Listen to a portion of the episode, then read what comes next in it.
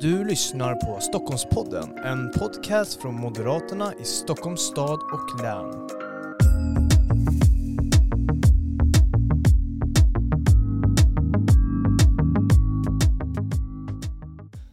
Ja, varmt välkomna till ännu ett avsnitt av Stockholmspodden. Det här är ju vår podcast från Moderaterna i Stockholms stad och län där vi pratar aktuella frågor, brinnande frågor, politiska frågor, men även också pratar vi visionärt, vart vi vill komma och så vidare i vårt samhälle. Och idag ska vi ju prata någonting som verkligen är brinnande eh, kan man säga, men också kan man ta det i ett eh, framtidsperspektiv också. Eh, någonting som vi berörs av varje dag, nämligen infrastrukturen. För vi reser ju ofta någonstans, om man ska till jobbet, till skolan eller om man ska till butiken och handla och så vidare. Och eh, som sagt, idag ska vi prata infrastruktur och med oss har vi Olof Holst, du är kommunstyrelsens ordförande i Sigtuna. Maria Stockhaus, du är infrastrukturpolitisk talesperson för Moderaterna, riksdagsledamot. Och Karo Boväng, du är kom eh, kommunstyrelsens ordförande från Nynäshamn. Varmt välkomna hit. Tack, tack. Tack så mycket. Nu är det ju så här att eh, det har väl dragits igång rätt så rejält så här efter påskhelgen kan jag tänka mig. Hur har det varit så här efter att komma tillbaks i eh, det politiska landskapet efter kanske lite vila?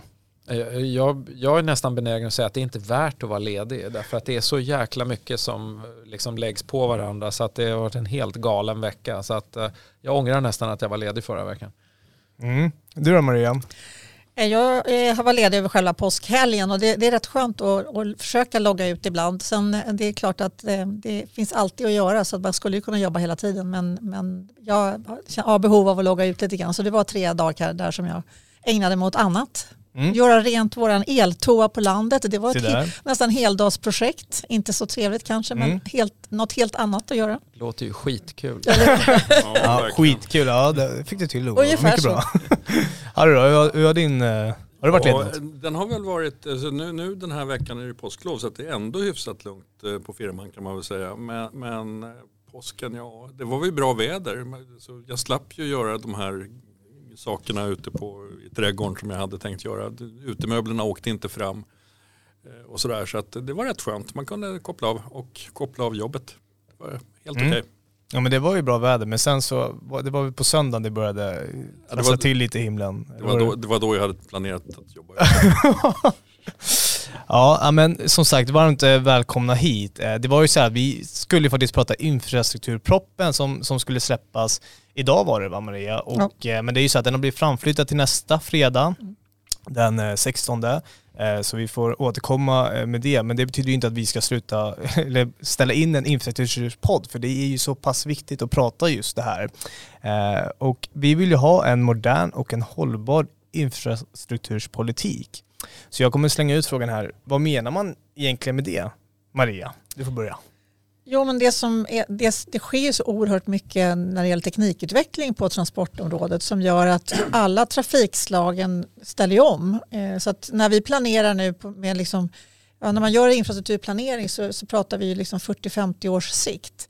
Eh, och då måste man ju ta hänsyn till att alla trafikslag troligtvis är kollektiv, koldioxidfria eh, om ja, förhoppningsvis in, eh, vid 2040.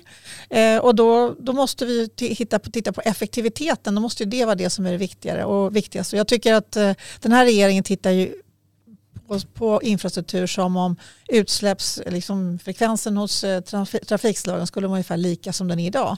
Och det vet vi att den inte kommer att vara. Så att, eh, jag tror att vi har helt eh, annan grundsyn än vad regeringen har när det gäller hur vi ser på ett effektivt transportsystem. En annan, eh, om jag får skjuta in det, en mm. annan aspekt som jag, jag, tycker där vi skiljer oss, inte minst från Miljöpartiet, men de styr ju numera regeringen så det blir ju regeringens politik, det är ju att jag menar, vi är ju för tillväxt. Tillväxt kommer kräva transporter. Så hållbarhet är ju inte bara ur ett klimat miljöperspektiv utan det är ett hållbart samhälle för att vi ska kunna leverera hög nivå på välfärd i framtiden och få samhället att växa så kommer det krävas också en ökning av transporterna. Och det måste gå hand i hand med den klimat och, och miljömässiga hållbarheten. Så att man, man måste ha med båda dimensionerna här. Men jag upplever i alla fall från min låga horisont att eh, från Miljöpartiet att man pratar bara miljö och klimat och då är man beredd att ta både ett och två steg tillbaka i tillväxten, att, att liksom gå bakåt. Och det kommer aldrig hända, folk kommer inte gå med på det. Så att säga. Så att därför har ju vi en mer realistisk syn på hur, hur det här ska gå till tycker jag i alla fall. Mm. Alltså jag tycker att alltså folk behöver ju förflytta sig även i en framtid och hur man förflyttar sig det får vi väl se. Eh, jag tror ju fortfarande att det kommer att finnas ett ganska stort utrymme för bilen eh, i en eller annan form. Sen hur den framdrivs det är ju en annan femma. Men eh, vi behöver ju vägar för varudistribution. Vi behöver vägar för kollektivtrafik. Stockholm växer och det kommer att fortsätta att växa. Och att tro att man kan dra ett spår till varje bostad eller varje, varje butik det är ju lite utopiskt. Men det verkar ju nästan som att Miljöpartiet faktiskt tycker så. Ja, jag tror det. Eh, en av mina favoritpolitiker, Ronald Reagan, har ett berömt citat när han, han, han försöker beskriva hur, hur, socialismen då ser på transporter. Han sa ju det, if it moves, alltså då han säger att socialister resonerar så här, if it moves, tax it, if it keeps moving, regulate it, and if it stops moving, subsidize it. Jag vet att Kristoffer Tamsons brukar citera det där också, men, men det, är, det är så talande för hur, vilken skillnad det är mellan vår politik och vänsterpolitiken. Vi resonerar ju inte så här. Vi vill att det ska fortsätta röra på sig. Det ska röra på sig mer och det ska röra på sig fortare. Men vi måste också se till att vi gör det på mm. ett, ett sätt som är hållbart för klimat och miljö. Mm. Så vi, vi har ju egentligen en helt annan ingång till, till infrastrukturpolitiken och dess vikt då, än, än vad Miljöpartiet har i den regeringen som de sitter i idag. Men jag tänkte att vi skulle gå och kolla lite på de utmaningarna, de problem som, som finns idag med infrastrukturen. Eh, det finns ju en hel del. Eh, det är oftast dyra projekt som görs och det är projekt som inte följs upp. Maria, jag tänkte att du kunde berätta lite mer om det på det övergripande planet. Men det som är allvarligt är ju att vi lägger ju oerhört mycket pengar på infrastruktur men, men om tittar man på hur Trafikverket jobbar och hur regeringen följer upp projekt och så, så ser man att det, allting blir mycket, mycket dyrare och allting tar mycket längre tid. Eh, och, och, det i sig genererar att det blir ännu dyrare när det tar längre tid. Så där behövs ju en, vi vill ju se egentligen att man ser över hela processen kring hur vi planerar, upphandlar och genomför infrastrukturprojekt för att få en betydligt effektivare framdrift. För våra projekt tar fruktansvärt lång tid och oftast är det ju inte förrän helheten är färdigbyggd som man får liksom vinsterna tillbaka. Eh, och därför så behövs, det går inte att hålla på så som vi, som vi gör nu. För det byggs, om man, det, man pratar med, med kommunalråd runt om i landet så är frustrationen oerhört stor över att projekt påbörjas men aldrig blir klara eller utlovas men så finns det inte finansiering så man inte börjar bygga. Så jag skulle säga att hela den där processen och det är ju även Riksrevisionen har kritiserat eh, de här processerna väldigt, väldigt hårt. Eh, det behövs egentligen ett blankt papper. Vi behöver se över det här i grunden så att vi får ett helt annat system för att få liksom fart på investeringarna så att de gör nytta. Mm. Det finns ju en hel del investeringar i, i Stockholmsregionen som har stannats av eller helt klart strykits. Eh, regeringen har inte tagit ett ansvar alls. Eh, jag tänkte att Harry och eh, Olof, jag ser här nu era blickar bara eh, spänns till här, men, men skulle inte ni kunna berätta om eh, ert favoritprojekt som eh, har stannat av, men är så pass viktig för, för Stockholmsregionen? Jag börjar med dig Harry. Ja, alltså mitt favoritprojekt är ju Tvärförbindelse Södertörn och den är ju en del av en ring runt Stockholm egentligen.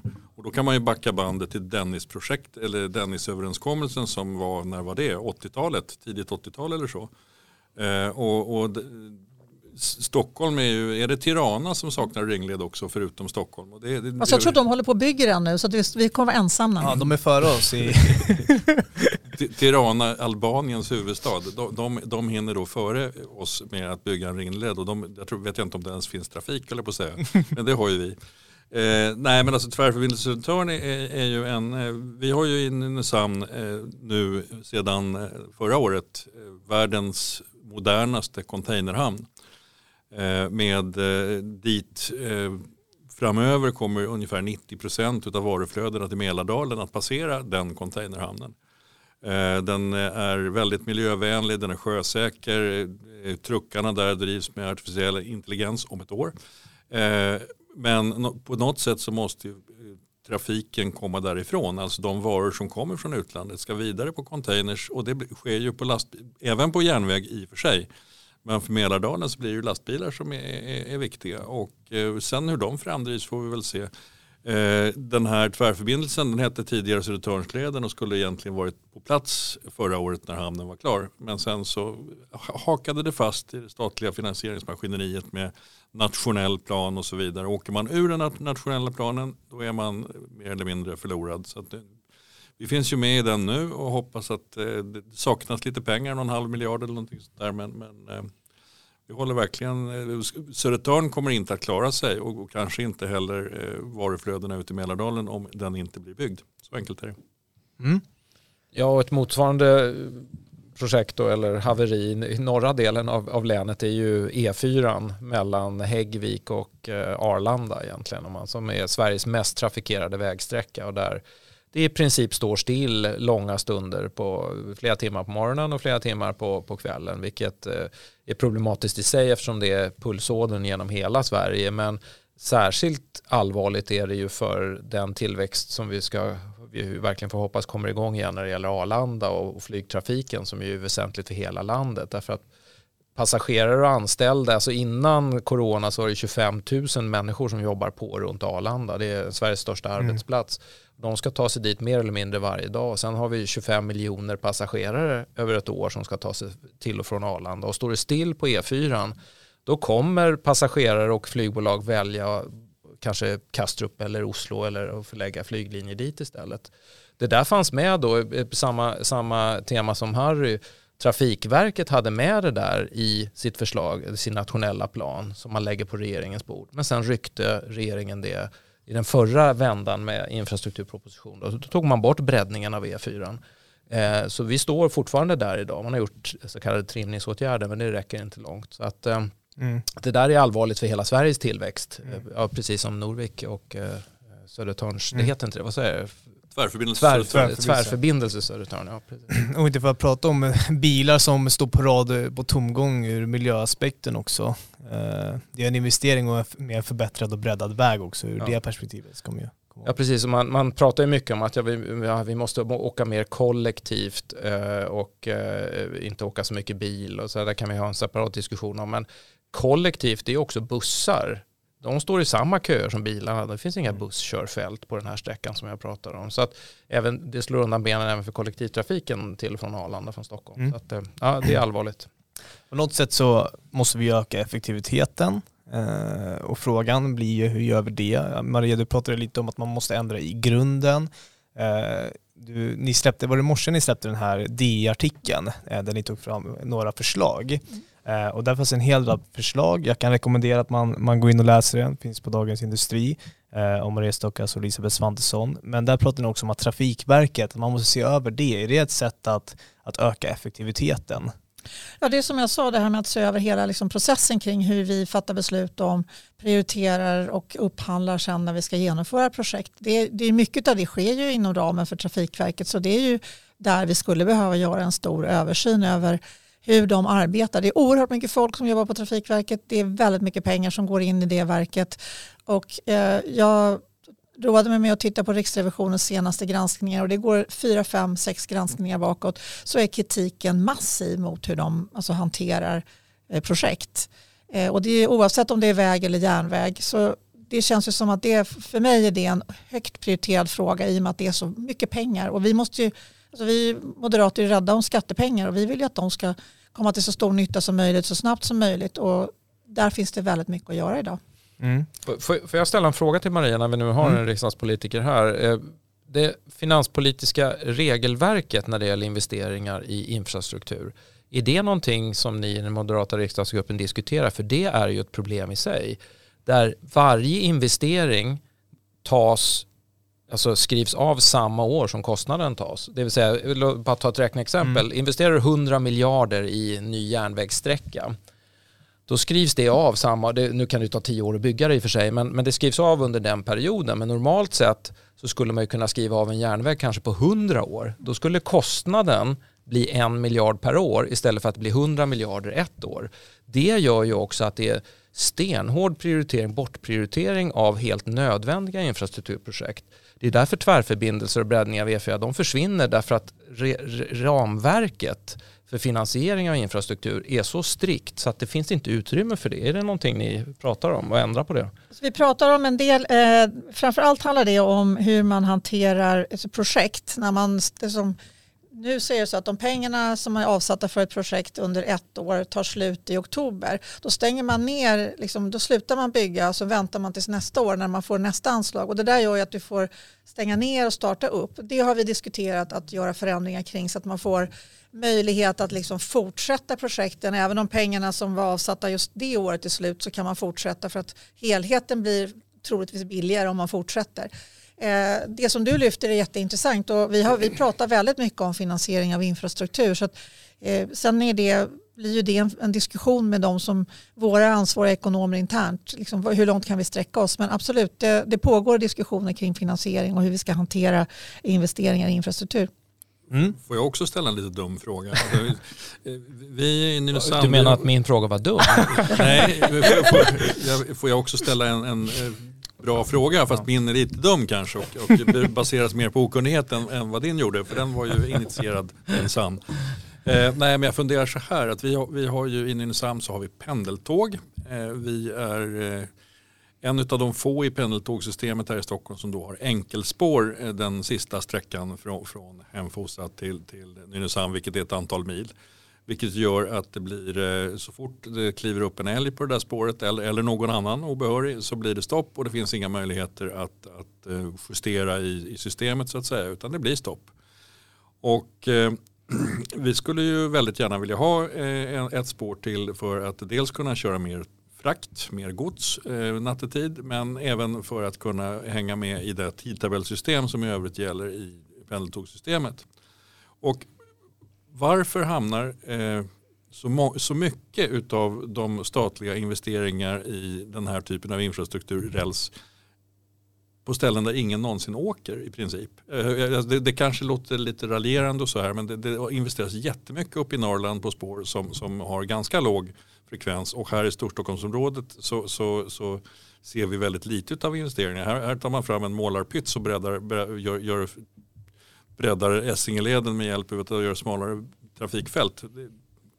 Jag förstår inte. Men du som sitter där i riksdagen och är trafik. Tänk, tänk på det Maria, att Edvard Riedel kan höra det här svaret. Jag vet, jag vet. Alla kan höra det. Nej, men jag, ja. jag tror så att när, när de här jag, när jag fick ta över det här ansvarsområdet så började jag titta på den här nationella planen som gäller och då kändes att det här känns som en hel hagelsvärm som är gjord för att göra alla nöjda. Och sen blir ingen nöjd i slutändan för det här är inte finansierat, det blir aldrig klart i tid och så vidare. Så det handlar egentligen om hur man prioriterar och då har vi sagt att vi vill att samhällsekonomisk lönsamhet ska väga väldigt tungt när man prioriterar. Sen kommer man alltid att behöva göra eh, andra, liksom lite regionala hänsyn och annat. Men eh, vi vill ju se en annan prioriteringsordning. Sen om det skulle innebära ett dubbelspår mellan Nynäshamn och Hemfosa, det vågar jag inte säga. Men jag kan hålla med om att, att eh, det här med samhällsekonomisk lönsamhet är jätteviktigt och då finns det anledning att se att en, en del viktiga projekt i Stockholm skulle kanske ha en högre prioritet av den anledningen. Inte bara för att det gynnar Stockholm utan att väldigt mycket av, av transporter och både persontransporter och godstransporter passerar den här regionen.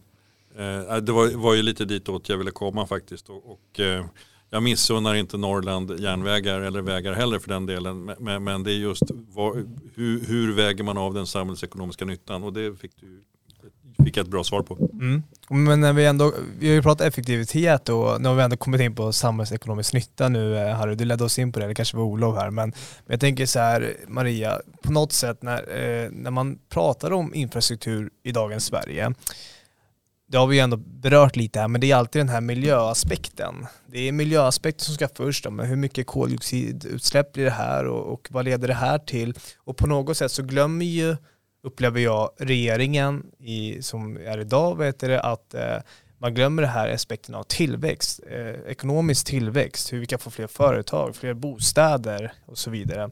Delar ni eh, samma, eh, samma tanke som jag här? Absolut, jag, jag, jag tycker att det är väldigt Alltså hela debatten känns är väldigt märklig för det är, alltså regeringens inställning är ju att liksom, räls är bra Eh, väg och eh, flyg, det är riktigt dåligt och det ska vi liksom inte satsa på. Jag hörde ryktesvägen att den nya propositionen, liksom siktet är 85 procent av pengarna ska gå till räls. Eh, och då känns det att det är, alltså det är, inte, det är väldigt sällan räls är samhällsekonomiskt lönsamt att bygga. Det, det, är, in, det är oftast det liksom när man ökar pendling som det är, går att räkna hem men, eh, men på andra håll så är det väldigt svårt. Eh, och jag kan tycka att det är med tanke på den liksom, även om man nu ska väga in miljö och klimat så måste man ju tänka att ja, men, bilarna och lastbilarna kommer inom en inte allt för lång tid. Den utvecklingen går ju så oerhört snabbt som man hänger knappt med. De kommer ju att bli fossilfria också. Och vi har alla förutsättningar att liksom, om vi nu kanske får ha kvar kärnkraften, vilket vore bra, så har vi väldigt, vi har fossilfri el i Sverige. Och, och går vi över till eldrift i högre utsträckning så klarar vi liksom miljö och klimatmålen. Då är det bättre att vi satsar på att bygga vägar och se till att, eller i det här läget, vi har ett ganska bra vägnät, vi behöver se till att rusta upp mm. vägarna så att man inte behöver sänka hastigheterna. Eh, och då kan vi få en fossilfri eh, transportsektor till 2040 som är målsättningen. Det behövs inte, och för att bygga räls, eh, det, man, man drar på sig en rätt stor vad heter det, kol, vad heter det, utsläppsskuld under byggnationen. Det tar väldigt lång tid att hämta hem den. Eh, och dess, om då samtidigt lastbilarna liksom går över till el och, och, även personbilarna då går det inte att hämta hem den klimatskulden som man har byggt upp när man har byggt räls. Jag tycker att förutsättningarna är helt annorlunda nu än vad de har varit tidigare och mm. det känns inte som att regeringen bryr sig om det överhuvudtaget. Mm. Alltså energiförsörjningen är också ett problem faktiskt om allting ska elektrifieras. Det är ju inte så att vi har, har tillräckligt med el som det är nu. Eh, I vintras så importerade vi väl el från andra länder. Vi satte igång det här oljekraftverket nere i Karlshamn. Eh, det är väl inte fossilfritt vad jag förstår. Och eh, det här behöver man ju tänka efter och, och på något sätt fundera hur, hur ska den framtida försörjningen se ut när det gäller el. Och, där tycker jag att, att regeringen ligger ju verkligen och fiskar i grumliga vatten. För jag, jag förstår inte hur de helt enkelt ska få ihop det. Mm. Nej, det, är, alltså, ja, det är väldigt mycket jag kan i mina mörka stunder, liksom, eller det är inte mörka stunder, men när de gångerna Miljöpartiet ligger under 4 spärren i riksdagen så är det nästan så att champagnen åker fram om jag ska vara riktigt ärlig. Mm. När, man, när man håller på med infrastruktur så känner jag att det skulle, tittar man på övriga partier i riksdagen så skulle det kunna gå att hitta bra långsiktiga lösningar för infrastrukturen i Sverige gemensamt. Jag, jag tror faktiskt att vi skulle kunna göra det även om vi alla har sina hjärteprojekt. Men, men Miljöpartiet har en helt, liksom, helt apart inställning till eh, infrastruktur och transporter som gör att det är oerhört svårt att hitta bra lösningar. Men jag, jag tror, det här är spekulativt så, såklart, en analys som är högst personlig, jag kanske har fel. Eh, men det, det, känns ju som att Miljöpartiet, det fanns ju en tid när Miljöpartiet faktiskt tjänade ett syfte, när inget annat parti överhuvudtaget pratade miljö och klimat. Eh, de var ju en katalysator för att få igång det. Nu pratar alla partier om det. Och dessutom så har ju industrin, inte minst fordonsindustrin men flyg, flygindustrin, eh, en enorm teknikutveckling för att möta fossilfria eh, alternativ så att säga. Så alla har ju hakat på det här tåget och i takt med att alla andra har anammat det här då har ju Miljöpartiet radikaliserats i, i samma motsvarande grad och det, det handlar väl antar jag då Eh, om någon slags existensberättigande. För att de ska kunna ha kvar sin profil som det miljöbärande partiet, då måste de radikaliseras. För när resten av samhället ändå ställer om till det de sa för tio år sedan, eh, det händer nu, fasen då måste vi tänka om, då måste vi bli ännu mer radikala. Eh, och, och, när man låter ett sånt parti då styra, för det är ju, eh, hela regeringen bygger ju på regeringsunderlaget är ju Miljöpartiet idag så att säga för att S ska behålla makten och det vet ju alla vi som sitter runt det här bordet att de är mästare på att behålla makten, Socialdemokraterna, till varje pris. Då blir det ju att ett radikalt miljöparti styr regeringen också. Därför att när man sitter i stängda rum, jag har suttit med Thomas Eneroth i ett stängt rum och pratat om de här frågorna, hans statssekreterare och så vidare vi är helt överens om Arlandas betydelse och flygets betydelse och så vidare. Men det kan de inte säga officiellt därför då ryker regeringsunderlaget. Så där, mm. därvidlag finns det ju ett jätteproblem för det här slår ju undan benen på hela landet. Liksom, den typen av, av ja, eh, beroende av ett litet radikalt parti. Mm. Om vi, vi ändå ska gå in på att de har gått kanske den radikala vägen. Det är i, nära dig i din kommun, eh, Olof, finns ju en viss flygplats som heter Arlanda. Och den har ju en viss betydelse för Sverige, är det inte så? Eh, ja, det, ja den är ju helt avgörande för Sverige skulle ja. jag vilja påstå. Det finns ju många faktorer, men, men flyget är ju helt avgörande för Sverige en, en stor del av vårt exportvärde, inte i volym betraktat, för det mesta går på, på fartyg och på eh, vad heter det, lastbilar och tåg och så, men värdet av det som fraktas eh, på flyg, om vi nu bortser från persontransporter utan fraktflyg, eh, är ganska betydande för Sveriges BNP. Och att i det läget då skuldbelägga flyget, för det är ju det man har gjort egentligen. Man har utsett flyget som symbolen för klimatkrisen. Eh, och, och, då ska man göra vad som helst för att stoppa flyget. Det är ju direkt destruktivt för, för Sverige, för vår tillväxt, för vårt näringsliv, eh, för, för, för ja, hela landets eh, liksom, eh, vad heter det, eh, väl, välstånd. Och mm. prata, prata med, vilket jag har gjort då, prata med Socialdemokraternas KSO i Skellefteå, Lorentz Burman, eller gå en Niklas Nordström när han var KSO i Luleå och så här de är ju helt galna på det här. De är helt beroende av en fungerande flygplats liksom, för att de ska kunna ha någon affärsutveckling. I, för det är, ett långt, det är ett avlångt land, det är långa sträckor. Vi klarar oss inte utan flyget. Mm. Mm. Och, och, tittar man på en sån här flygkarta, hur, var det flygs någonstans, mm. så flygs det ju minst hos oss egentligen. Mm. Och, och det här med flygskammen, jag upplever, jag har varit ute och reser en del, inte just nu kanske, men, men tidigare så reste jag en hel del. Och eh, jag har inte upplevt det som att det här begreppet flygskam finns någon annanstans egentligen. Och viljan att vilja förflytta sig kommer ju då eh, att fortsätta även efter covid. Så jag får bara inte ihop det och det är likadant där. Andra alternativa drivmedel, det finns ju i dagens läge redan tror jag elflygplan och det, det, utvecklingen kommer ju att gå vidare. Ja precis, de är inte kommersiell drift än men vi är bara några år bort ifrån det. Nu kommer de ha en begränsad räckvidd men de kommer täcka större del av inrikesflyget mm. i alla fall i Sverige. Men det intressanta på temat flygskam är ju då att regeringen väljer att sätta in symbolpolitiska åtgärder. Ta flygskatten, det är ju direkt drivet av Miljöpartiet som ju slår helt fel. Men det gör att flygbolag hellre etablerar sig i Köpenhamn eller i Oslo eller Helsingfors. Mm. Därför att för det är en lågmarginalbransch. Den som tror att flygbolagen tjänar massor med pengar tror fel. Det är en lågmarginalbransch. Och då är den, den flygskatten som ändå uh, finns nu i Sverige uh, den slår undan en, en, del av deras marginaler och då är det bättre att flyga utifrån från Köpenhamn. Och dessutom är den ju helt felriktad. När flyg, alltså flygindustrin nu tar fram eh, bränslesnåla flygplan men med fler sittplatser. Det vill säga att per passagerare så förbrukas ju mycket mindre fossila bränslen än i gamla flygplan. Ja, då beskattar man varje flygstol. Så att mm. de som köper in nu stora nya bränslesnåla flygplan med många säten, de blir straffade hårdare än de som flyger med gamla eh, bränsleslukande med få säten. Så att säga. Så att den är helt missriktad. Men det har styrt bort ett antal eh, direktlinjer från Arlanda till andra flygplatser. Mm. Maria? Ja men det är ju, alltså det bara, nu SAS gick ut och vis, eh, talade om att de hade beställt nya flygplan som levereras nu som drar 30% mindre än de som är i deras existerande flotta. Så det sker ju jättemycket och man ska komma ihåg att liksom av världens utsläpp så är det 4% som kommer ifrån flyget. Så att eh, flyget får ju liksom, lite stor del av debatten i förhållande till hur stora problem de faktiskt orsakar. Eh, och jag tycker om man tittar på Swedavia, de har ju sett till att Arlanda är fossilfri flygplats, alltså själva driften av Arlanda. Eh, och vi ser de här nya flygplanen som kommer. Så att utsläppen från flyget går ju ner. Och jag tycker vi ska det som Olof säger, skatt, den här flygskatten det är ju en skatt på resor, det är inte en skatt på utsläpp. Och vi, vi är för att man kan beskatta utsläppen och vill gärna att man ser över internationella regler så att man kan beskatta flygbränsle utifrån hur mycket liksom utsläpp de genererar. Men det är ju en helt annan sak och det behöver ju ske på global liksom basis.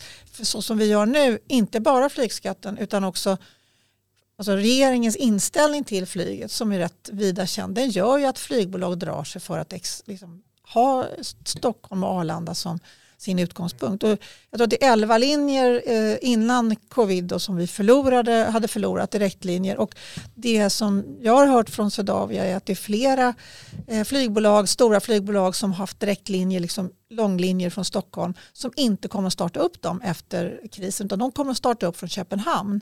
Och blir Arlanda då bara en matarflygplats till Köpenhamn det skulle påverka våra liksom, tillväxtmöjligheter i Sverige jättemycket. Så det är verkligen vi behöver, det finns en, ett, ett Arlanda-råd som har kommit med förslag kring hur man ska kunna bygga ut och stärka Arlanda. Om man, som, om man reser från Arlanda till Köpenhamn så ser man att liksom, den danska staten har satsat jättemycket på, på Köpenhamns flygplats. Eh, och även liksom flygplatsbolaget där har gjort oerhört mycket. Det är en helt annan upplevelse att vara på den flygplatsen än vad det är på Arlanda. Och det är klart att Swedavia behöver stå sig i den konkurrensen och det gör de inte mm. idag. Nej, och jag tänker när vi ändå är inne på, på flyget, vi har ju pratat en hel del om bland annat olika projekt i Stockholmsregionen, Tvärförbindelse Södertörn, vi har eh, E4 e Olof, vi har eh, Arlanda som ligger i Stockholmsregionen eh, och vi har pratat en hel del om den politik som förs på nationell nivå som försvårar egentligen allting. Men jag tänker så här, om vi ska blicka framåt, vi säger 15-20 år, den här politiken som förs nu, den är ju skadlig mot Sveriges tillväxt och, och Sverige rent generellt också. Vad, vad, tror ni den här, om vi ser att vi har den här politiken nu i 15-20 år, peppar peppar får man ju självklart säga också. Vad, vad tror ni det kan ge för effekter eh, på vår tillväxt bland annat? Alltså, jag tror vi kommer att uppfattas som ett apart litet land uppe i norra Europa som inte liksom är så intressant att investera i eller, eller att etablera sina vi har en hel, alltså huvud, nordiska huvudkontor eller europeiska huvudkontor. Vi kommer inte, de kommer ju flytta härifrån. Mm. Om vi inte har vettiga kommunikationer så, är det, så kommer folk, liksom, ja, företag kommer inte att tycka att det är intressant att etablera sig här. Tittar man på Alltså vi har ganska mycket liksom inom techsektorn som är beroende av liksom bra flyg till USA. Eh, om man alltid måste flyga via Köpenhamn då är ju risken stor att de företagen ganska snabbt väljer att flytta härifrån och för att till någonstans där det är lättare att ta sig över till över Atlanten för de har stora behov av att kunna göra det. Det är bara ett exempel. Så det skulle vara förödande för Stockholmsregionen tror jag för vi kommer inte få de investeringar i vägar som vi behöver för att det ska funka, den här regionen ska funka eh, och vi kommer att riskera de här liksom, transporterna ut i världen. Så jag tror att det skulle vara förödande, inte minst för Stockholm. Jag, jag håller med Maria. Nu, nu tror och hoppas jag att frågan är högst hypotetisk. För att jag tror faktiskt att väljarna i Sverige är mer kloka än så. Att rösta fram ett regeringsalternativ som bygger på ett, ett radikalt miljöparti. Jag, jag, jag tror, för det finns väldigt starka krafter som, som ser det vi ser. Hur viktigt det här är för tillväxten och Sveriges fortsatta existens som ett, ett hög, högteknologiskt land så att säga. För titta på en karta, var ligger Sverige? Det är knappt man ser det det högst upp i vänstra hörnet. Liksom man tittar på en karta av Europa, Afrika och sådär. Eh, och jag, jag, tror ju och hoppas att väljarna förstår det. Eh, så att säga. Så att jag, jag håller tummarna för att det är en hypotetisk fråga. Eh, det tror jag också. Det, alltså, den, den politik som, som regeringen och Miljöpartiet för den, den är ju kontraproduktiv Eh, å ena sidan så säger man att man ska eh, minska vårt fossilberoende, vi ska bli mer, eh, allting ska gå över på el, men vi ska inte producera någon el. Eh, för att det, den ekvationen kommer ju inte att gå ihop att allting ska drivas med el. Vi ska också producera stål och annat med, med el istället för med fossil, fossil bränsle.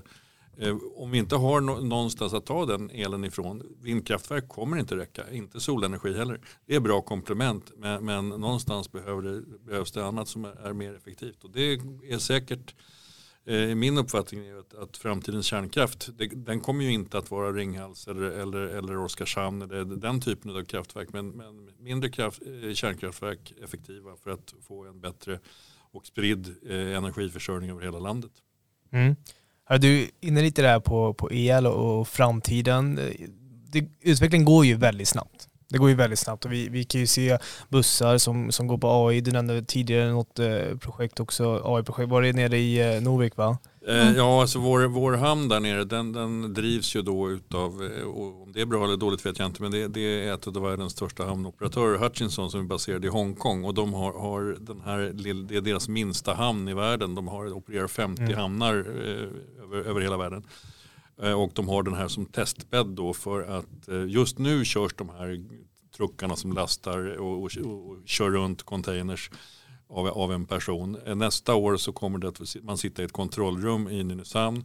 Framöver kanske någon övervakar i ett kontrollrum någon annanstans men då ska de helt och hållet kunna styra sig själva med hjälp av artificiell mm. intelligens. Mm. Som sagt, det går väldigt snabbt med, med utvecklingen, men, men jag tänker, vad tror ni andra då? då om, om vi, koll, vi befinner oss nu fortfarande i framtiden lite och spekulerar eh, om 15-20 år. Eh, är det, vilken, vilken bild har ni? Vart kommer vi befinna oss? Kör du Olof. Oj. Oj. Eh, torsdag eftermiddag. eh, det, det, blir mer och mer som Spanarna det här. Ja, jag vet inte om ni ja. lyssnar på det på P1 Nej. på fredag eftermiddagar. Favoritprogram med liksom, spana in i framtiden. Ja, moderater spanar. Nej, men jag, eh, jag, jag, tror att det, det är som sagt så, starka krafter igång här att vi, vi, vi kommer, man, jag var inne på det tidigare, man, man ser hur hela industrin, om vi pratar transportsektor nu, mm. bilar, lastbilar, flygplan, allt ställer om i en rasande takt. Och eh, eh, jag har fullt förtroende för teknikutvecklingen, att det kommer lösa det här. Både behovet av ökad förmåga att transportera varor, eh, varor och personer, eh, människor och att göra det på ett sätt som, som gör eh, eh, att, att, att det blir mer uthålligt också för klimat och miljö. Så att säga. Så att jag, jag har full tillförsikt att det här kommer gå bra. Bara vi blir av med Miljöpartiet.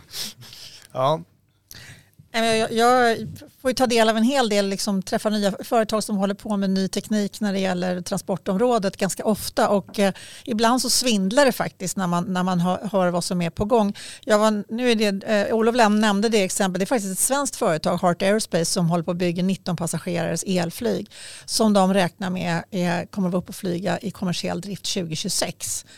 Eh, och det kommer att vara alltså för nordisk, nordiska marknaden. Jag såg ett, ett, en artikel i Forbes så skrev de att den nordiska flygmarknaden är idealisk att vara den första helt elektrifierade flygmarknaden, alltså för våra regionala inrikes och mellan länderna. Eh, för fram till 2026 har det hänt mycket med batterierna, så hur långt de här flygplanen går det, det vet vi inte liksom i dagsläget för det beror ju mycket på hur, hur batterierna ser ut. Eh, sen har jag varit och tittat på, eller haft möte och tittat på stora transportfartyg eh, för, för bilar som drivs med vind. Mm. Eh, och de är också där, de första beställningarna är lagda på de fartygen så de kommer också levereras inom de närmsta fem åren. Jag läste om drönartaxi i Dubai. Alltså det finns ju utveckling på det här området. Den går så oerhört fort. Så jag tror att det dröjer inte länge innan vi har en helt fossilfri eh, transportsektor. Och dessutom, alltså vi har självkörande bilar som är på väg in. Så det kom, jag tror att det kommer att ske en stor omdaning av det här. Och det är också den här med ja, eh, friheten, alltså man, man pratar om delad mobilitet eller mobility as a service där man, man har tillgång till olika, form, olika transportmedel som man liksom abonnerar på och det kan ta sig olika uttryck beroende på var man mm. befinner sig. Eh, så det kommer, jag tror att det kommer hända oerhört mycket och, och som är, eh, Olof var inne på, det finns alla anledning att se framtiden an med tillförsikt. Jag tror att tekniken kommer och jag tror att vi kommer inte behöva oroa oss så mycket över klimatavtrycken av vår transportsektor i mm. framtiden. Och det, ska, ska, får jag bara vika in en, en liten synpunkt där. Och, och, vi har ju kommit ganska långt på väg också. Vi ska veta det att Storstockholmsregionen, alltså den, den kollektivtrafik vi har i vår region, den är helt fossilfri sedan ett antal år tillbaka. Eh, och vi har, har världens näst bästa kollektivtrafik i Stockholm och den är fossilfri. Eh, utvecklingen kommer att gå vidare till, till, till, en, en mer snål fossilfri och en mer teknologiskt utvecklad eh, kollektivtrafik. Men, men redan där är vi framme mm. ganska långt. Mm. När, när jag lyssnar på det här och, och, ni berättar om allting som händer så känner jag väl att det är ännu viktigare att regeringen ska drivas av det samhällsekonomiska perspektivet, alltså ha det som, som nummer ett prioritet och, och inte miljön. Vi var ju lite inne på det i början det här med att det kommer inte betalas tillbaka, man, man bygger eh, höghastighetståg heter det, vad Maria, Eh, överallt och så, utan det är fokus på, på det som kommer driva de här elfordonen eh, senare i framtiden. Som sagt, det går ju väldigt snabbt. För, eh. för, för jag bara för vika in, jag är inte säker på att jag håller med. Jag skriver inte under helt på den därför att eh, tillväxten är vi ju alla för. Men det måste också ske på ett, ett smart sätt ur ett hållbarhetsperspektiv. Mm. De måste gå hand i hand. Så att, att sätta en viss press på industrin att faktiskt hitta de här lösningarna som är fossilfria eller neutrala på något sätt. Det tror jag är bra. Och det mm. var det jag var inne på lite tidigare. Att jag tycker faktiskt att Miljöpartiet har tjänat en, en roll i det här i, i, i tidiga Miljöpartiet när de kom in i riksdagen. Därför inget parti pratade om det här tidigare. Så helt plötsligt gör alla det. Men nu har de spelat ut sin roll som det ofta är med katalysatorer. Så jag tycker inte man får, det ena utesluter inte det andra. Nej. Utan jag tror att vi behöver både och. Mm. Jag tänkte bara säga ett, ett exempel på liksom där politiken kan sätta press eller, eller initiera liksom utveckling. Det är ju eh, Eh, Heart Aerospace är ett ganska lysande exempel på det som den svenska eh, elflygplansleverantören det bolaget startades av en, en genuin entreprenör, en ingenjör, eh, 2018. Och hans, han kläckte liksom idén att liksom starta det här och dra igång det här utvecklingsprojektet när Norges regering fattade beslut om att deras inrikesflyg skulle vara elektrifierat 2040. Jag tror att med tanke på hur snabbt det går nu så tror jag att det är kanske en för lågt sagt satt ambition i dagsläget. Men 2018 när de satte det så tror jag att det var många som skakade på huvudet. Men det fick igång den här entreprenören Så jag tror det här med att tydliga målsättningar och en, liksom, krav på branschen de möter upp det. Men, men vi måste vara tydliga och skapa långsiktiga förutsättningar och det är väl allt annat än vad den här regeringen gör som hattar hit och dit fram och tillbaka. Mm. Vi, vi ska eh, ta och runda av. Jag tycker att allting vi har pratat om här idag det har varit väldigt övergripande men, men det på något sätt ramar in väldigt bra eh, det moderata eh, utgångsläget. Vi vill ha en modern och hållbar infrastrukturpolitik. Jag Tycker vi har ramat in det väldigt bra och jag hoppas även ni som, som lyssnat håller med oss. eh, men med det sagt så ska vi ju ta och avrunda eh, detta avsnitt. Eh, Eh, jag tackar dig Olof Hås för att du kom hit ännu en gång. Varmt välkommen hit. Tack så mycket. Och dig Maria, du har också varit med tidigare. Men också tack för att du gjorde din premiär här idag Harry. Jag hoppas att du, du tyckte det var roligt. Tack, det var jättekul verkligen. Med det sagt vill jag också tacka dig som har lyssnat eh, och jag hoppas att du kommer lyssna på nästa avsnitt som, som kommer nästa vecka. Då kommer vi prata en hel del om trygghet och kriminalitet. Eh, så missa inte det. Men med det sagt får jag önska dig så småningom en fin helg. Tack. Hej.